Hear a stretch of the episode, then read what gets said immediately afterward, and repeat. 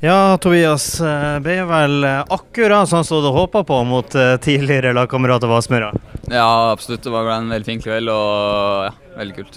Hvor deilig er det å, å sette inn skåringa? Det blir jo, tar jo litt tid før du kan slippe jubelen eh, løs, da, men eh, når du får bekreftelsen, hvor deilig var det?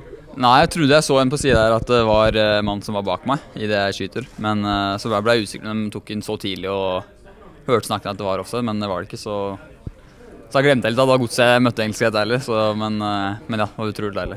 Når du fikk vite at du skulle starte i dag mot eh, tidligere kamera- lagkamerater, blir du litt sånn ekstra gira da på at i dag må jeg levere en bra innsats? Nei, det er egentlig ganske likt, skal jeg være helt ærlig. Hver gang det er match, så får jeg kampfølelsen og begynner å glede meg til kamp, så det er egentlig ganske likt.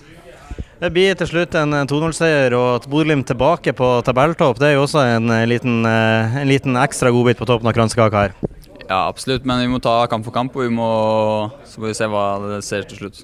Ja, Når man endelig nå har kommet seg tilbake på førsteplassen, det er jo klart at en kamp, kamp for kamp-mentaliteten i Bodø-Glimt står sterkt, men, eh, men nå blir det viktig å, å jobbe for å holde seg der. Hva, hva blir planen eh, for å, for å holde seg på topp ut sesongen nå?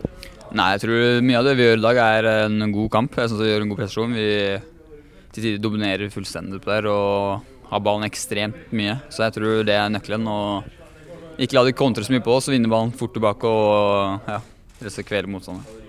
Også På torsdag er det, den nye Europakampen Aspmyra mot Klubb Brugge, som for øvrig spilte uavgjort nå samtidig som vi spilte. Hvor, eh, hvor viktig er denne seieren inn mot den kampen? Hvor mye selvtillit gir dere dere? Nei, jeg tror vi må begynne å analysere de igjen og få se noen klipp av de, og så få gjøre oss klart den kampen. Gratulerer med skåring og seier, Tobias.